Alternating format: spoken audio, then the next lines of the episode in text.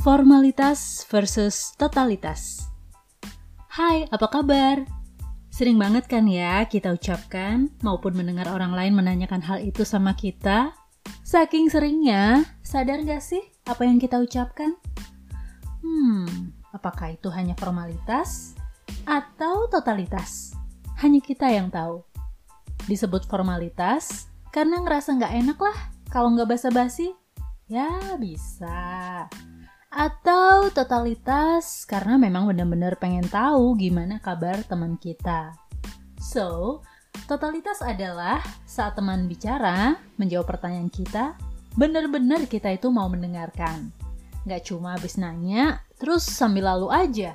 Atau habis nanya, kitanya terus nyerocos aja ke agenda kita.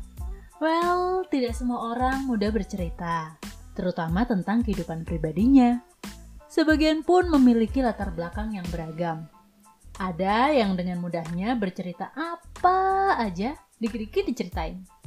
Ada yang pilih-pilih atau sulit banget untuk cerita. Mesti dipancing lah, diberi momen yang nyaman, dijamin keamanannya, sedap. Ya gitu deh. Nah, kalau kita berhadapan dengan orang yang saya sebutkan terakhir tadi, saat kita mengabaikan dia cerita, nah besar kemungkinan dia tidak akan mau cerita apa pun lagi di kemudian hari. Nah lo. So, pastikan sapaan atau pertanyaan kita bukan sekedar formalitas belaka ya. Oh iya, jadi ingat sesuatu. Zaman sekarang mungkin udah jarang kali ya orang menyapa untuk bener-bener nanya kabar. Misalnya di WA atau telepon kayak gitu.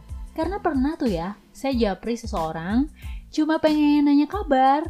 Nah, dia malah jawab, e, ada yang bisa saya bantu?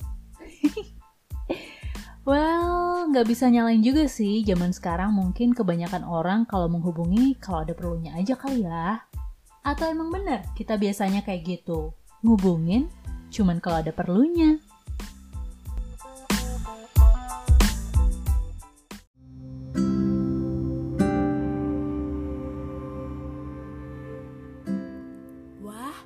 Udah mau Idul Fitri ya? Udah mau maaf-maafan lagi?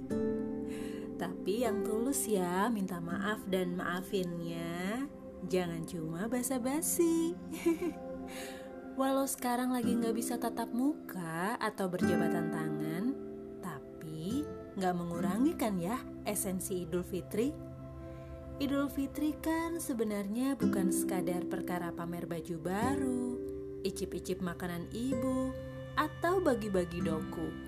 Karena sebenarnya ada yang jauh lebih penting dari itu, yaitu pembaruan yang ada dalam hati kembali menjadi fitri.